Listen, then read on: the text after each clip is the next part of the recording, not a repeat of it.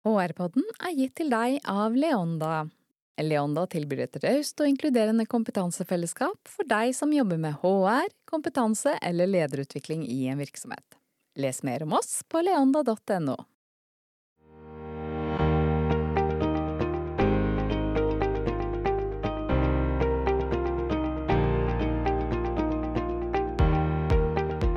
Velkommen til HR-podden. Mitt navn er Annelise Heide. Jeg jobber som lederutvikler, foredragsholder og coach, og jeg har et veldig stort hjerte for HR-faget. Jeg leder digitale og fysiske kompetansenettverk i Leonda, og i godt selskap med spennende gjester byr jeg på faglig påfyll og aktuelle HR-tips hver uke.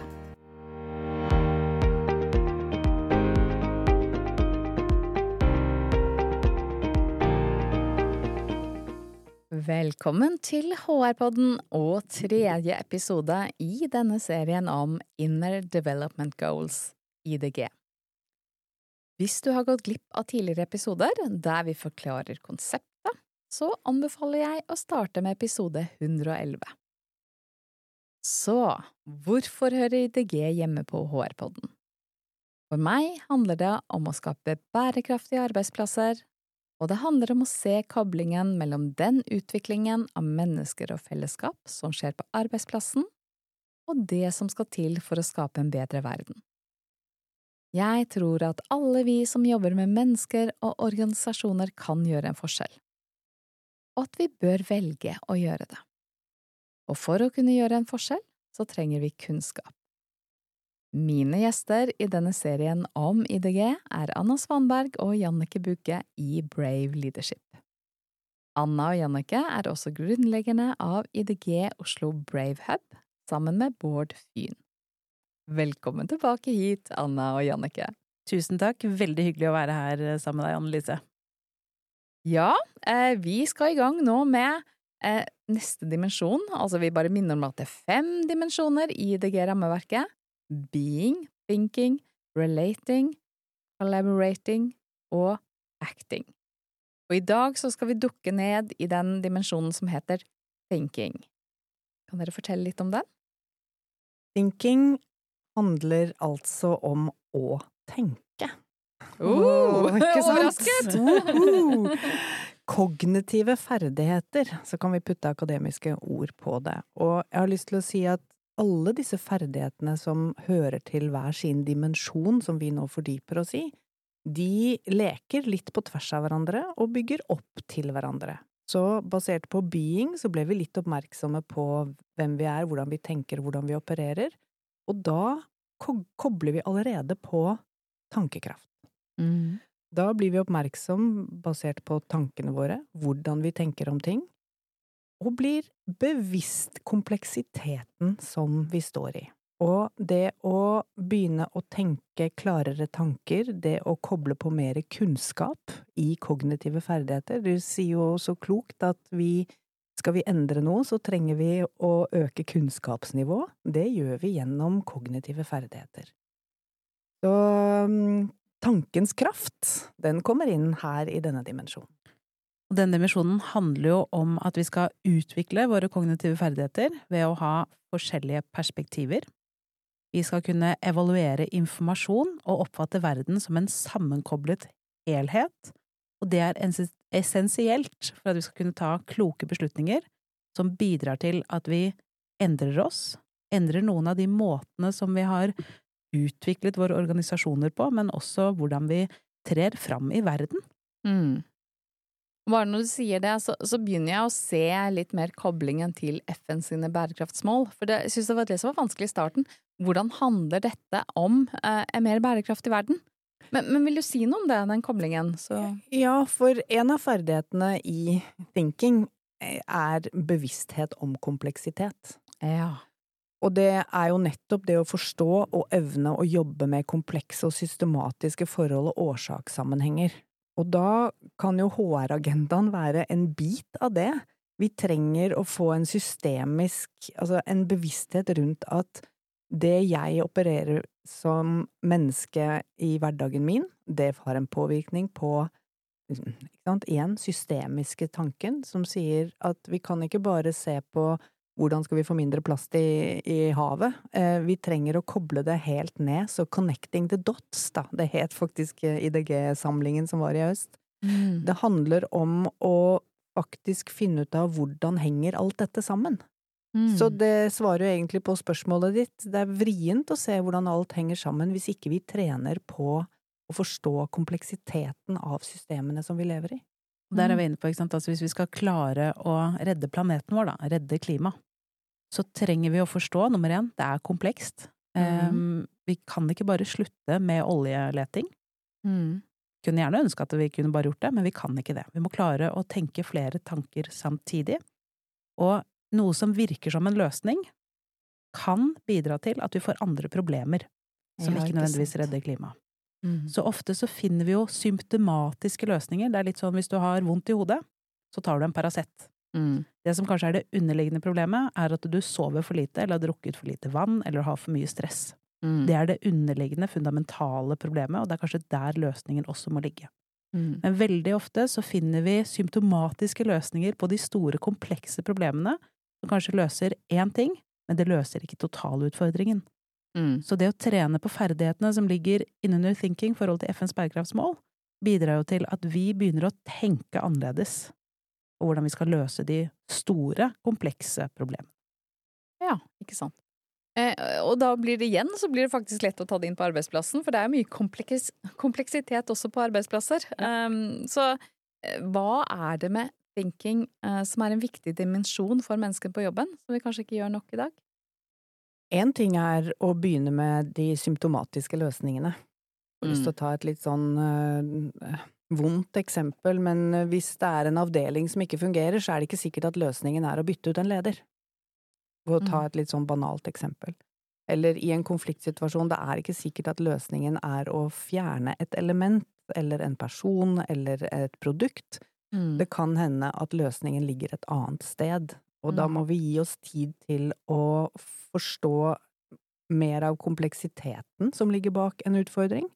Vi trenger å trene på å ta ulike perspektiver, for jeg har sånn så jeg jobber i salg, så jeg har mine perspektiver om hvorfor dette produktet ikke selger, for eksempel. Mm. Um, men en annen, en markedssjef, eh, banalt eksempel, men, men en annen kan ha et helt annet perspektiv. Vi trenger å øve på å se ulike perspektiver. Vi trenger å øve rommet til å tåle ulikhet. Vi trenger rommet til å tåle at vi eh, har en spenning oss imellom.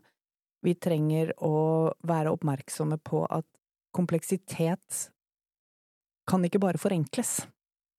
Nei. For å løse et problem. Så vi får slutte å tenke lineære løsninger, eh, men vi må rett og slett eh, Hvis jeg bare kan ta et annet eksempel, vi jobber jo alle med lederutvikling. Yep. Så kommer du ut, og så skal du trene lederne til å ta mer ansvar. Ja. Være mer proaktive, og de må, de må skjønne liksom at vi må ta ansvar for ting. Og så oppdager du kanskje at i den kulturen eller den måten man agerer på her, så er det jo sånn at lederne ja, men de får beskjed om å gjøre ting. Eh, og så er det det som er med å forme at man ikke tar ansvar. Det handler noe om eh, systemiske, som dere er inne på. Det handler om hvordan vi er vant til å samhandle. Så det er ikke nødvendigvis kompetansen, men det er noe med mønstrene. Så, så det å liksom klare å skjønne at det kan være andre ting som ligger bak, hvis vi virkelig skal skape resultater da, i en eh, lederutvikling eller organisasjonsutviklingsprosess. Jeg synes det var et veldig godt og veldig relevant eksempel, Annelise. Mm. Ok, så da har vi kobla det litt mot arbeidsplassen, det med thinking. Eh, og så er det jo fem tilknyttede kvaliteter eller ferdigheter også til denne dimensjonen, som dere får dele litt med oss. Eh, ja, kanskje vi skal ta de først. Hva var de fem igjen? Det er kritisk tenkning, Mm. bevissthet om kompleksitet, ferdigheter i å ta perspektiv Mhm. og gi mening, og så er det visjon og orientering for fremtiden. Og den siste er jo litt sånn interessant hvis vi ser på undersøkelser globalt forhold til unge mennesker i dag sitt håp om fremtiden. Mm. Det er dessverre sånn at over 50% tror at vi er fordømt. Oh. Det er ikke håp. Og litt samme er det hvis vi skal jobbe i en organisasjon og tenke at vi skal lykkes kanskje med å oppnå visjonen vår, eller lykkes med å få til et eller annet litt større prosjekt. Så har vi kanskje en stor idé om hvordan det skal være, og så ser vi dagen i dag hvordan er det det funker, og så begynner vi å sette ned våre egne mål og tanker og visjoner.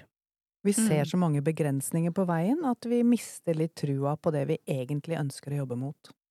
Sier vi, det er ikke mulig å få til. Og hvordan klarer vi å holde det rommet, da, som Jannicke var litt inne på i stad, til å fortsatt holde målet der oppe, og fortsette å finne retningen som gir mening, mot at vi kommer oss dit. Og det kobles jo nemlig til den andre ferdigheten som handler om å gi mening. Ferdigheter i å se mønstre, og se litt mer komplekse mønstre enn det vi kanskje ser med det blotte øyet i første øyekast. Mm. Ja, for det var mitt neste spørsmål. Det var vil dere dukke ned i et par av disse ferdighetene? Nå er vi i gang allerede, men, men hva kunne dere tenke dere å dele om en eller to av de ferdighetene som ligger i thinking? Kan jo begynne med kanskje ferdigheter å ta perspektiv, eh, Jannicke. Ja. Um, ofte så er vi jo, uh, ikke sant, vi har en ryggsekk som bidrar til at vi sitter med våre perspektiver, våre løsninger, hvordan vi tenker om ting. Hvis vi tenker oss at vi skal eh, i HR bidra til å løse en konflikt, da, så er det jo ganske ofte to personer som har sin klare oppfatning om hvorfor ting er sånn som det er. Hvem som har rett, og hvem som tar feil. Mhm. Og det å da faktisk klare å være nysgjerrig, prøve å lytte ut, prøve å forstå hvor er det den andre kommer fra, det bidrar ganske ofte til at vi ser annerledes på konflikten i seg selv, men også kanskje begynner å tenke annerledes om hvordan vi skal løse ting. Mm. Og dette krever en investering i tid. Det Mhm. krever en in investering i å, å våge å bruke såpass mye kapasitet på å åpne øynene, ta helikopterperspektiv, eh, gå en runde og se etter hva har jeg oversett? Hva er det som ikke kommer frem i, som jeg liker å kalle det, første øyekast? Hva er det du ikke ser med en gang? Mm. Hva er det som ligger bak? For der ligger ofte, der ligger ofte det som ligger bak symptomet. Ikke sant? Vi Mm. ser symptomet, vi ser krangelen, vi ser i en konflikt, da så ser vi symptomene på det. Det er bare det at jeg og vi tror at mennesker har gode intensjoner med det de gjør. Veldig ofte så er det forsvar av kanskje egne, ja, handlinger eller er, det, er, det er mye som ligger bak en, en sterk uenighet som kanskje har fått bygget seg opp over tid. Og vi trenger å, å se flere perspektiver for å klare å møtes i en genuin løsning, da. Mm. Så symptomene ligger ofte bak. En øvelse man kan gjøre da, for å trene seg selv til å trene på å ta andres perspektiv, eller være nysgjerrig, det kan være at uh, du finner en ting som du tenker her er jeg helt uenig i hvordan ting skal løses, for eksempel. Mm. Invitere vedkommende på en lunsj, og virkelig forsøke å sette seg inn i hvordan ser det ut fra den andres verden. Mm. Uten å dømme, stille spørsmål, være nysgjerrig på hva betyr dette egentlig for den andre? Mm. På den måten så åpner vi kanskje opp for at det finnes flere perspektiver, og, og sannsynligvis så lærer vi noe om oss selv og om den andres måte å se problemet på. Og en sånn lunsj vil jo, vil jo utforske og rokke ved våre menneskelige behov for å forstå og ha rett, og dermed også kanskje ha tatt feil. Mm. Hva skal jeg si, det der høres så enkelt ut, men det er ikke lett. Men det er ikke lett. Dermed trening.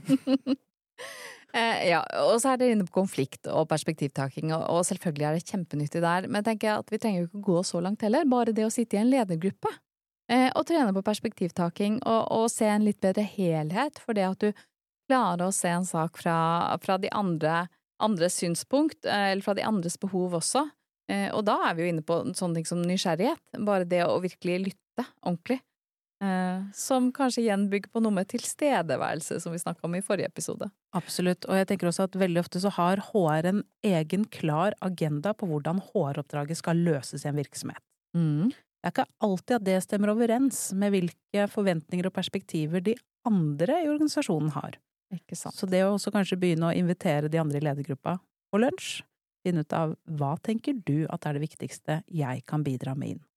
Er det fordi at vi snart skal spise lunsj at dere er blitt veldig opphengt i det nå, eller hva? Godt spørsmål. Jeg får lyst til å legge til også i forhold til dette med, med mangfold og inkludering, da. Det Det å bli god på perspektivtakning, det Mm. tror vi også vil gjøre at det blir rom for flere perspektiver. At vi trener opp en nysgjerrighet til flere perspektiver. Og det vil gi en, enten en minoritet, enten det er en kvinne i en ledergruppe med menn, eller omvendt, eller hva nå enn det er, altså det er en gutt i en barnehage full av uh, voksne damer, altså det, det, spiller egentlig ingen rolle når du er uh, når du trenger flere perspektiver, så er det en grunn til det, og hvis vi ikke åpner for å være nysgjerrig på andres perspektiver genuint, fordi vi ser at det kan bringe noe inn til fellesskapet som gjør at flere opplever tilhørighet. For det er, det vi, det er, jo, det er jo mye av det vi jobber med i HR hele veien. Det er en sånn underliggende faktor. Og det å øve på perspektivtakning tror vi kan bygge opp under en inkludering. Mm. Så vet jeg ikke, jeg får en assosiasjon til dette med design thinking, ja. og hvordan vi jobber når vi skal utvikle løsninger, og at vi faktisk da intervjuer kundene, stakeholders, at vi er oppriktig ekte nysgjerrig på hva er det dere trenger, hva er det dere forventer. Det er også kanskje en variant av perspektivtaking? Absolutt. Brukerorientering, ikke sant, mm. ikke minst. Jeg tenker også de gangene som man har nyansatte i selskapet, mm. så sier vi ofte at det er nå du sitter og kan komme med de gode eh, spørsmålene, eller du kan hjelpe oss med å tenke annerledes, ikke sant? for de kommer fra en annen verden. Ikke sant. Jeg bruker å skrive, eh, eller når jeg var HR-leder tidligere, så brukte jeg å si til nyansatte at Skriv ned. Skriv, skriv, skriv. For det er ikke alltid du tør å spørre om det, for du føler deg litt sånn dum, og det føles som et teit spørsmål, og så blir det borte. For det, det tar jo bare en måneds tid, så er du liksom integrert i kulturen, og så slutter du å stille spørsmål. Så få det ned, så vi kan snakke om det. Veldig godt råd. Mm, bra. Ok, eh, så vi har snakket om eh, den ferdigheten perspektivtaking. Skal vi ta en til? Hoppe på kritisk tenkning, da, eller? Gjør det. Kritisk tenkning, det handler jo om å kunne gjennomgå holdbarheten i forskjellige synsvinkler. Altså, hva er grunnlaget for de planene vi legger? Og det å være en kritiker, det er jo ikke alltid anerkjent. Mm -hmm. Det å utfordre en leder som kommer med en visjon, det kan kreve Da kommer vi fort inn på psykologisk trygghet. Hva krever det av et miljø, av en organisasjon, at det er anerkjent å være kritisk på en positiv og ja, på en, en, en konstruktiv måte?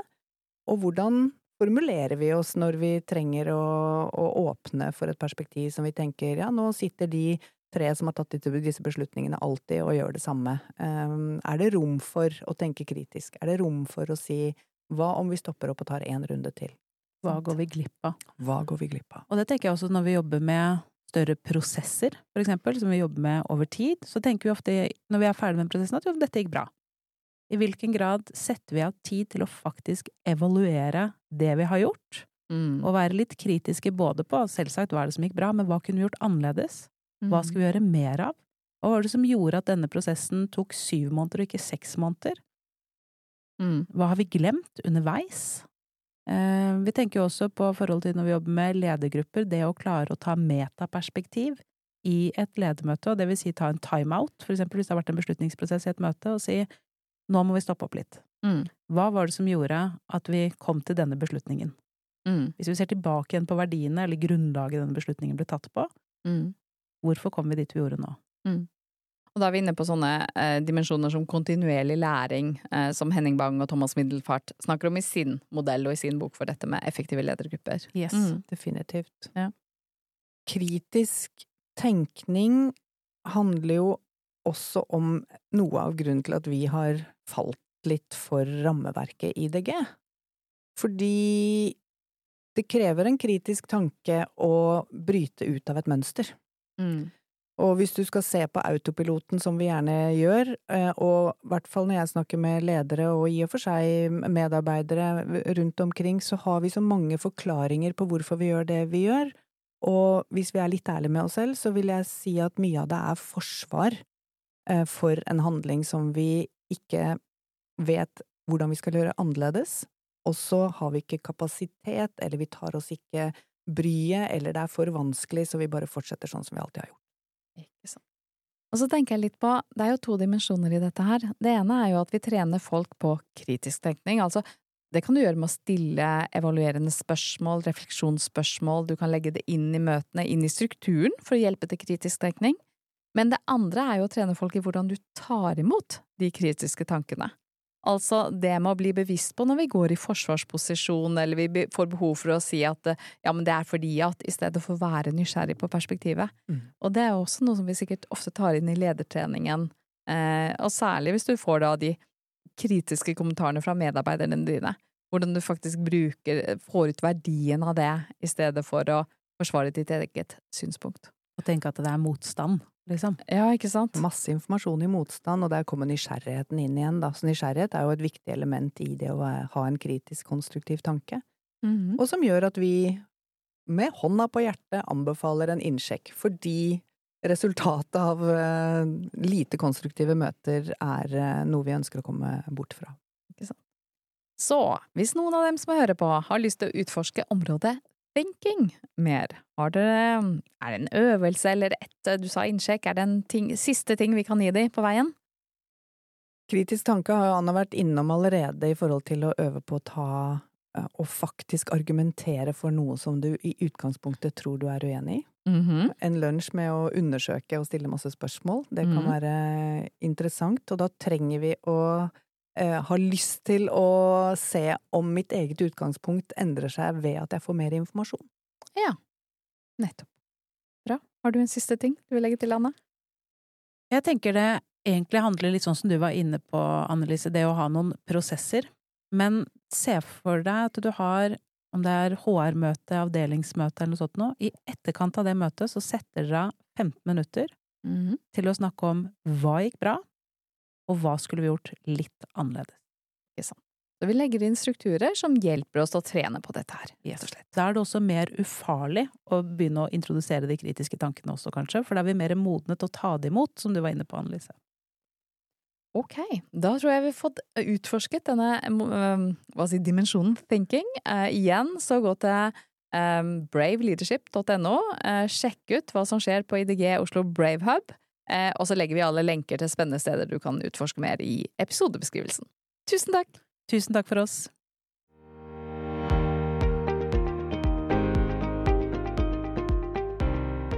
Synes du dette var nyttig?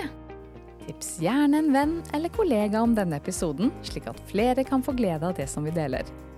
Sjekk ut tidligere episoder på leonda.no slash hrpodden, og følg oss på Apple eller Spotify for å få med deg neste episode. HR-podden byr på nye fagtips hver onsdag. Vi høres!